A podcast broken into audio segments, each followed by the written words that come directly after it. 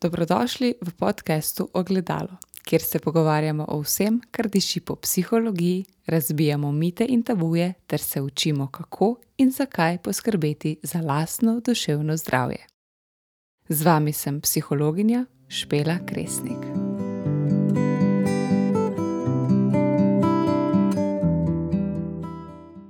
V tem podkastu bomo govorili o prokrastinaciji in o tem, zakaj odlašamo. Preden sem se lotila te teme, sem mislila, da bo en podcast za to tematiko dovolj. Pa sem hitro ugotovila, da temu ne bo tako. Ker te teme nisem nikoli prej tako globoko raziskovala, se nisem znala predstavljati, da je tako obsežna. Zato bom v tem podkastu temo nekoliko uh, predstavila, uh, ampak se bomo s to tematiko zagotovo ukvarjali še v kakšnem od prihodnjih podkastov. V tej epizodi si bomo pogledali predvsem, kaj je prokrastinacija, kaj so vzroki za to, da prokrastiniramo oziroma odlašamo, kakšni so različni tipi prokrastinatorjev, kakšen vpliv ima prokrastinacija na naše življenje in kako prenehamo s prokrastinacijo. Oziroma, spoznali bomo v bistvu nekaj kratkih napotkov, kako se lahko lotimo tega, da se zoprstavimo odlašanju. Preden sem začela s snemanjem tega podcasta, sem sledilcem in sledilkam na Instagramu dala možnost za vprašanje na to tematiko. Dobila sem kar nekaj vprašanj. Na nekatera, ki morda niso bila tako tesno povezana s temo, sem odgovorila že v zasebna sporočila. Nekaj vprašanj pa sem pustila za tukaj. Kaj torej sploh je prokrastinacija? Prokrastinacija oziroma odlašanje lahko v najširšem smislu razumemo kot posameznikovo težnjo k odložitvi ali izogibanju opravljanja nalog. Ta pojav je izjemno pogost in v določeni meri ga lahko zasledimo pri vsakem posamezniku, pojavlja pa se lahko na različnih področjih življenja. Odlašanje ni le posledica neustreznih delovnih navad ali slabega time managementa ampak v resnici se stoji iz različnih vrst vedenskih, kognitivnih in tudi čustvenih komponent, med katere štejemo naprimer strah pred neuspehom, anksioznost, perfekcionizem in nizko stopnjo samopodobe. Kot zanimivost naj povem, da beseda prokrastinacija izvira iz latinske besede procrastinus, ki v angleškem prevodu pomeni belonging to tomorrow. Prokrastinacija oziroma odlašanje ima svoje korenine pravzaprav že v naši biologiji. Tako rekoč je rezultat konstantne bitke med limbičnim sistemom in prefrontalnim korteksom. Limbični sistem je ena od najstarejših možganskih struktur in hkrati ena od najmočnejših oziroma najbolj dominantnih struktur v možganih. Deluje skoraj avtomatično in nadzira naše razpoloženje ter nagon ko se počutimo, da moramo zbežati iz neke situacije, nam to v resnici govori limbični sistem. Limbični sistem pa je tesno povezan s prefrontalnim korteksom. Prefrontalni korteks je mlajša struktura v možganih, zato tudi manj razvita in posledično manj dominantna, šipkejši del možganov. Torej. Odgovoren je za nadziranje načrtovanja in za odločanje. Ta del možganov nas torej na koncu prisili, da neko nalogo dokončamo. Ker pa ne deluje samodejno, tako kot limbični sistem, potrebujemo nekaj zavednega truda, da ga aktiviramo. Ker je limbični sistem močnejši in ker nam neka naloga, ki jo moramo opraviti, ni tako prijetna, to nalogo raje odložimo, kot pa da bi se počutili neprijetno in zato raje izberemo drugo, ki nas tisti trenutek bolj veseli. Limbični sistem torej pogosteje zmaga, kar vodi do odlašanja, saj ne zmoremo kontrolirati teh čustev. Če pogledamo iz drugega vidika, je torej odlašanje posledica delovanja možganov, ki nas želijo zaščititi pred morebitnimi neprijetnimi občutki oziroma stresom. Ne glede na to, kako dobro smo torej organizirani ali predani svojim ciljem, se bo vsaj vsake toliko zgodilo, da bomo odlašali. Pomembno je le, da ne postanemo kronični prokrastinatorji. V tem primeru se namreč lahko poznajo veliki negativni vplivi na različna življenjska področja, naprimer v službi, v šoli ali nasploh v življenju. Raziskave so ugotovile, da se tisti, ki so bolj nagnjeni k odlašanju, težje uprejo tem socialnim skušnjavam, prijetnim aktivnostim in takojšnjemu nagrajevanju, saj je zadovoljstvo, ki sledi zaključku neke obveznosti, predaleč. Želijo si torej takojšnjega zadovoljstva. Pri odlašanju se zavedamo posledic in vemo, kako težko nam je vsakič, ko lovimo zadnje minute in nam po domače rečeno voda teče v grlo. Vendar nas ti občutki ne zmorejo motivirati, da bi se naloge lotili prej, oziroma da bi se jo sploh lotili. In čeprav čutimo tesnobo vedno, ko se spomnimo, da moramo opraviti neko nalogo, pa je za to še dovolj časa, se je ne lotimo. Tik pred rokom pa se ti občutki tesnobe in panike močno povečajo.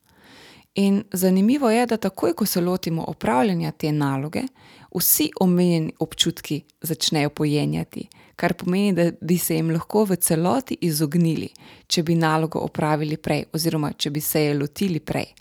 Poleg tega pa pomeni tudi, da opravljanje naloge ni tako hudo, kot smo si predstavljali. Prokrastinacija torej od nas zahteva več napora, kot bi ga sicer zahtevalo takojšnje opravljanje obveznosti. Kakšni pa so vzroki za odlašanje? Raziskave so pokazale, da je prokrastinacija najpogostejša med študenti.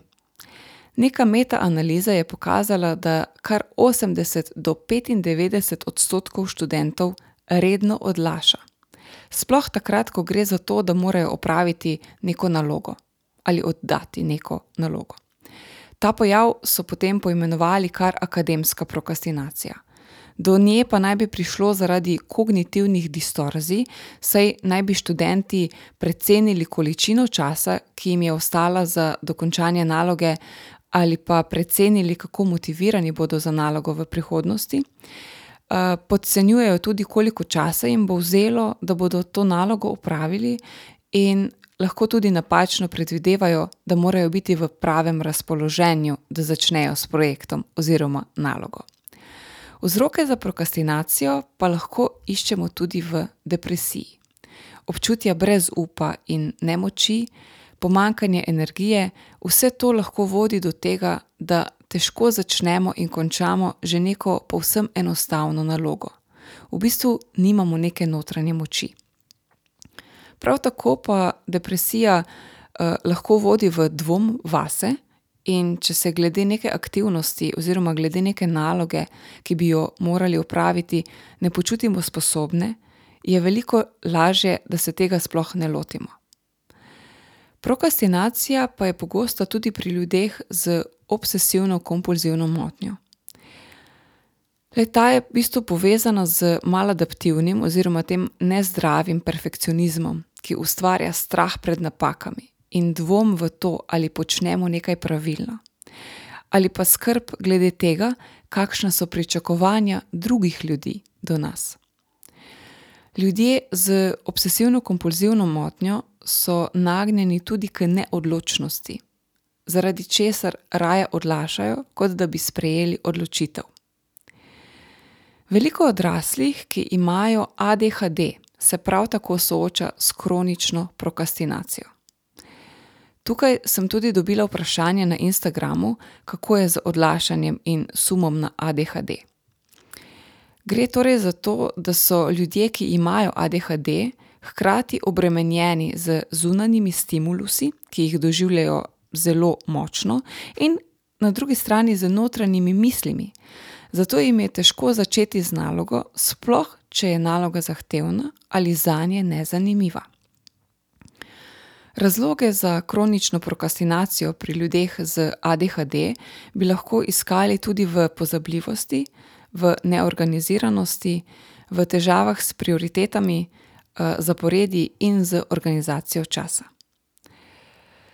Nasploh pa je v bistvu jasno, da če smo že večkrat doživeli frustracije pri določenih vrstah nalog, se bomo tem nalogam raje izogibali, da se izognemo tem negativnim občutkom, ki jih lahko prinese opravljanje teh nalog.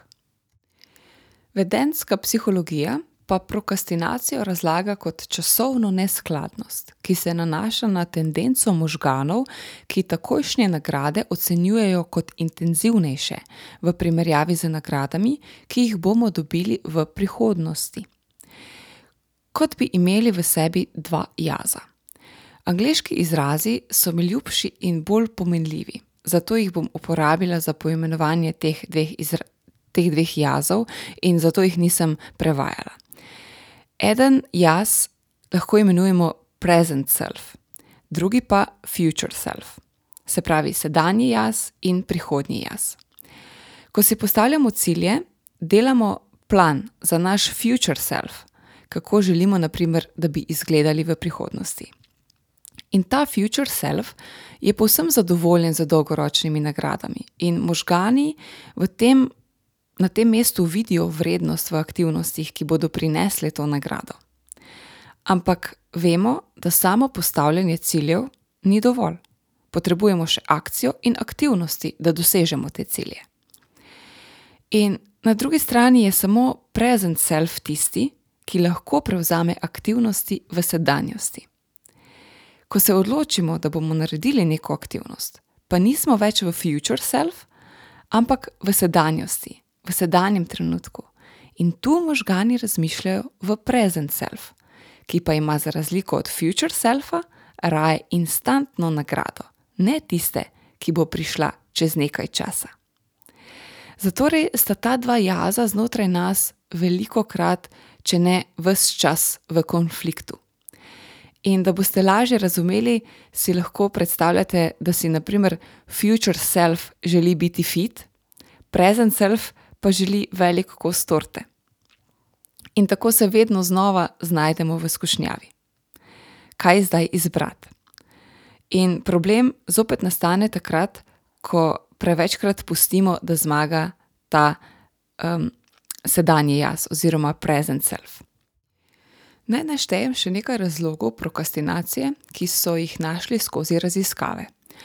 Možni vzroki za odlašanje so torej lahko tudi Recimo to, da ne vemo, kaj sploh moramo narediti. Ali pa to, da ne vemo, kako nekaj narediti. Lahko je vzrok to, da nečesa sploh ne želimo narediti, ali pa to, da nam ni mar, ali je nekaj narejeno ali ne. Možen vzrok je tudi, da nam sploh ni mar, kdaj bi naj nekaj naredili, oziroma bolje rečeno, da nimamo roka oziroma časovne omejitve za neko stvar ali pa je vzrok to, da se ne počutimo, da bi nekaj naredili. Nimamo tistega feelinga, a ne kot rečemo, nimamo inspiracije. Um, lahko je vzrok tudi to, da se stvari vedno lotevamo, po domače rečeno, pet pred dvanajsto, oziroma tik pred stajci, ali pa je vzrok to prepričanje, da bolje delamo takrat, kadar smo pod pritiskom. Lahko je vzrok tudi razmišljanje, da smo sposobni končati zadnjo minuto, nikoli pa ne vemo, ne, kje se lahko zatakne. Vzrok je lahko tudi pomankanje inicijativnosti, da bi se zadeve sploh lotili. Ali pa je vzrok pozabljanje, ali pa to, da krivimo slabo počutje ali pa neko slabo zdravje, da se nečesa ne lotimo. A ne v primeru, recimo, da se želimo več gibati, da želimo biti bolj fit, se zgovarjamo na to, da se bi se več gibali, ampak kaj, ko nas tako bolijo kolena, recimo, ne. Sej vsi poznamo te izgovore, ki nam pomagajo pri prokrastinaciji. Lahko je vzrok tudi to, da pač preprosto čakamo na pravi trenutek, ki pa žal nikoli zares ne pride, oziroma pride zelo, zelo redko. Lahko je vzrok tudi to, da preveč premišljujemo o nalogi in preveč časa porabimo za premišljevanje, in potem nam ostane premalo časa za samo izvrševanje naloge. Ali pa je možen vzrok tudi to, da preložimo neko nalogo zato, da bi se lahko lotili neke druge ki nam je morda bolj všeč. Vse vsi vemo, ne, da takrat, ko se bi naj lotili neke pomembne naloge, nam je še pospravljanje stanovanja ljubše, kot pa da bi se lotili za res tiste naloge, ki smo jo imeli um, na seznamu opravila. Ne? Uh, to je bilo veliko krat, recimo v študentskih letih ali pa uh, v dijaških letih, takrat, ko smo se morali učiti neko snov, ki nam pač ni bila najbolj blizu. Ne. Takrat smo raje počeli še neke stvari, ki nam tudi sicer niso zelo blizu, ampak so nam bile v tistem trenutku veliko bolje in manjše zlo, kot pa recimo učenje. Problem pa je lahko tudi v neki preveliki svobodi odločanja. Saj, ko imamo preveč svobode v odločanju, se lahko zelo hitro znajdemo v nekem morju zmede in ne vemo, kaj sploh je prioriteta in kaj ni. Zato smo potem povsem nemotivirani, da bi se sploh česar koli lotili. Naenkrat nam postane pač preveč in se ne znajdemo. Vzrok, seveda, pa je med drugim lahko tudi v pomankanju samodiscipline. In še zadnji faktor, ki ga bom omenila kot možnost, zakaj odlašamo, je strah. Tudi to je bilo eno izmed vprašanj na Instagramu. In ta strah lahko vključuje strah pred neuspehom, strah pred napakami ali celo strah pred uspehom. Pri tem se je v bistvu zelo pomembno soočiti z omejujočimi prepričanji, ki so za temi strahovi. Sej, naprimer, če nas je strah uspeha, lahko v sebi tiho verjamemo, da si tega uspeha ne zaslužimo. In dokler to verjamemo, nam to preprečuje, da bi dosegli želene cilje. Zato je potrebno te strahove ozavestiti in jih nagovoriti, se z njimi soočiti. Šele na to lahko zaradi njih nehamo odlašati. Obstajajo pa tudi različni tipi prokrastinacije oziroma tipi prokrastinatorjev. Pa si jih poglejmo. Vmes opazujte, če se morda najdete v katerem izmed njih. Prvi tak tip naj bi bil perfekcionist. Perfekcionist naj bi bil tudi najpogostejša vrsta prokrastinatorja, ki si prizadeva le za najboljše in je v resnici svoj najstrožji kritik. Perfekcionist občuti strah pred neuspehom, oziroma ima občutek, da projekt ni nikoli dovolj dober, da bi ga lahko oddal ali pa da bi ga lahko zaključil. Če pa ga že zaključi, pa seveda nikoli ni zadovoljen z, z rezultatom. Ali pa ogromno časa porabi na enem delu nekega projekta, in potem na koncu vse finišira zadnjo minuto, in je to pod katastrofalnim stresom. Potem drugi tip prokrastinatorja je usiljivec. To je tisti, ki odlaga z, dokončanjem naloge iz strahu, da ga bodo drugi razkrili oziroma označili kot nekvalificiranega ali kot prevaranta. To v bistvu izhaja iz tako imenovanega sindroma usiljivca, ki zajema občutke dvoma vase in nam vse čas nekako sporoča, da nismo kompetentni, ne glede na to, da imamo naprimer primerno izobrazbo ali pa veliko izkušenj in dosežkov za sabo. Tretji tip je nesrečnež. Tu gre za najbolj racionalnega prokrastinatorja, ki nalogo preprosto odlaga zato, ker mu ta ne diši, oziroma jo preprosto sovraži. In potem je seveda logično, da za njo nikakor ne najde motivacije. Četrti je preobremenjeni prokrastinator in to je najsodobnejši tip prokrastinatorja. Z delom odlaša, ker ga je včasih preprosto preveč in mu to predstavlja stres, ker niti ne ve, kje začeti in zato pač ne začne. In peti tip prokrastinatorja je srečnež. To je prokrastinator, ki se je pravzaprav naučil odlašati brez občutka strahu. Preprosto verjame, da je najbolj produktiven takrat, ko dela pod pritiskom, torej ko je v to prisiljen z nekim rokom, ko mu voda teče v grlo.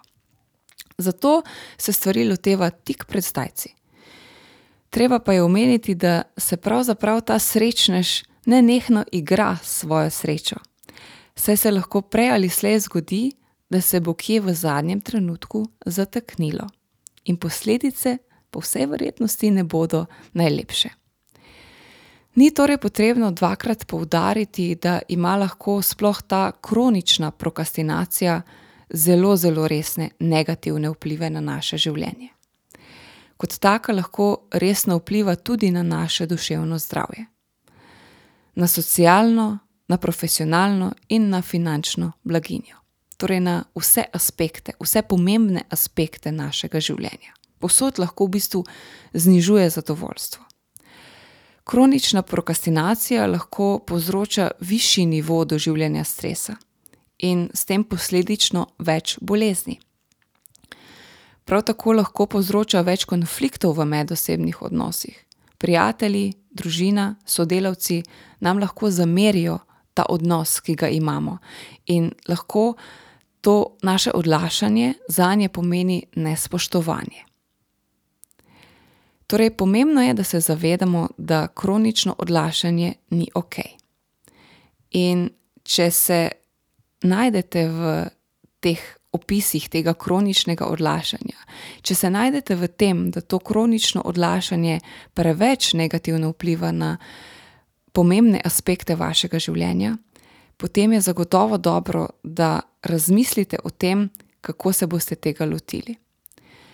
In če se to zares dogaja že več let in so torej te posledice že močno posegle v vaše življenje, je pravzaprav za neko uh, boljše zadovoljstvo z življenjem, za dvig duševnega zdravja, vsekakor nujno, da si poiščete primerno terapevtsko pomoč.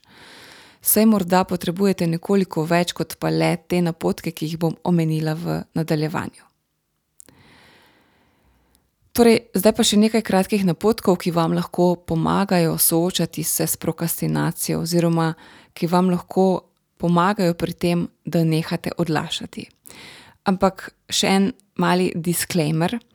V nobenem primeru, seveda, ni nujno, da bodo vsi napotki za vsakogar koristni. In tukaj sem res izbrala uh, nekaj napotkov. Eh, seveda obstaja še veliko več napotkov, ampak ker sem se odločila, da bomo to temo prokrastinacije in odlašanja še kdaj nagovorili znotraj podcastov, eh, bo teh nekaj napotkov za danes dovolj. In zato naj bodo ti napotki um, zgolj um, napotki in nikakor ne zagotovilo, da se boste zaradi njih zares uspešno soočali z odlašanjem. Seveda je ogromno odvisno od vas in treba se je zavedati, da je ogromno predvsem enega dela z upravljanjem vaših misli, ki pa je lažje, če to treniramo na dnevni ravni. In prvi korak je zagotovo vedno psihoedukacija in razumevanje tega, zakaj se nam nekaj dogaja in kako to vpliva na nas. Vi pa ste s poslušanjem tega podcasta prvi korak že naredili.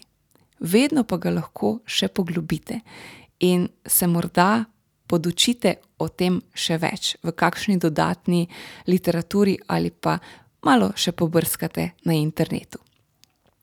Torej, kaj lahko pomaga, da nehamo z odlašanjem?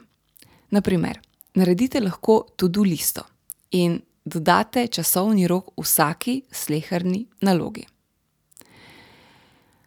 Delajte majhne korake, ko dosegate, oziroma ko želite dosegati nek cilj. Sej v bistvu ti majhni koraki naj bodo za vas obvladljivi, kajti če bodo neobvladljivi, se lahko zgodi, da boste prej odnehali. Zato, ker bo preprosto nek velik korak prevelik zalogaj za vas in ne boste imeli motivacije, da bi se ga lotili. Zato res postavite si kar se da majhne korake do cilja. Bodite pozorni na svoje misli in se prisilite, da kljub temu, da vas skušajo misli zapeljati v skušnjavo, še nekaj časa ustrajate pri tisti nalogi, ki jo upravljate.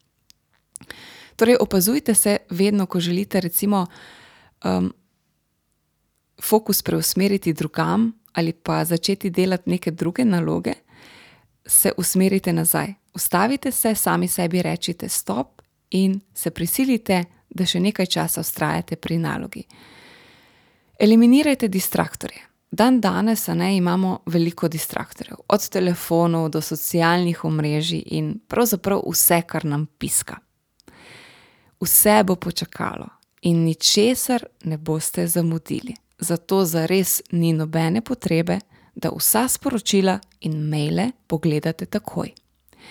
Ja, tukaj boste morda potrebovali največ samodiscipline. Čestitajte si, ko opravite naloge iz tuduliste ali pa ko opravite kak majhen korak ali pa se celo nagradite z manjšo nagrado, naprimer z bombončkom ali pa opravljanjem neke aktivnosti, ki vam je všeč. To je torej le nekaj napotkov, ki jih lahko uporabite za to, da se lotite tega um, zoprstavljanja odlašanju. Vsekakor pa je potrebno na tem mestu seveda razmisliti, če se najdete v katerem izmed zgornjih opisov in morda potem ugotovite, da je vzrok pri vas nekje druge. Kajti vsak posameznik lahko ima vzroke za prokrastinacijo povsem svoje. Ne? In najbolj pomembno je, da ugotovite, kaj je pravzaprav tisto, kar vas sili v odlašanje. Dodatno vprašanje na Instagramu, na katerega mislim, da skozi povedano še nisem odgovorila, pa je bilo, zakaj smo nekateri bolj in drugi manj nagnjeni k prokrastinaciji in ali je to povezano tudi z vzgojo. Zdaj, glede na vzroke prokrastinacije, bi lahko rekli, da neke povezave z vzgojo vsekakor so. Sploh, recimo, če se dotaknemo perfekcionizma o katerem sem tudi podrobneje govorila v podcastih številka 7, 8 in 10. Jih bom tudi polinkala v opisu te epizode. Enoznačnega odgovora na vprašanje, zakaj pa smo eni bolj in drugi manj nagnjeni k prokrastinaciji, pa v resnici nimam, ker je, kot ste lahko slišali, vzrokov za prokrastinacijo ogromno. In ne na zadnje, vsak posameznik lahko ima čisto vsa, svoj vzrok. Hvala vam, ker ste to epizodo poslušali do konca. Če imate še kakšno vprašanje ali predloge, ki bi jih lahko vključila v naslednje podcaste, ali pa vprašanja, na katera v okviru te teme še nisem odgovorila, bom vesela, če mi jih posredujete in se bom zares potrudila, da jih vključim v katero izmed naslednjih epizod. Vesela bom tudi, če mi pomagate pri prepoznavnosti tega podcasta in ga podelite s svojimi prijatelji. Hvaležna vam bom, če tisti, ki lahko ocenite ta podcast in napišete mnenje, saj to pomaga više rangirati podcast in ga tako prikaže večjemu številu ljudi.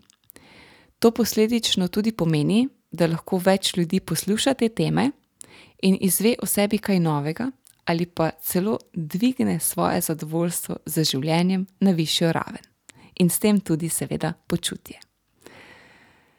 Hvala in želim vam vse dobro.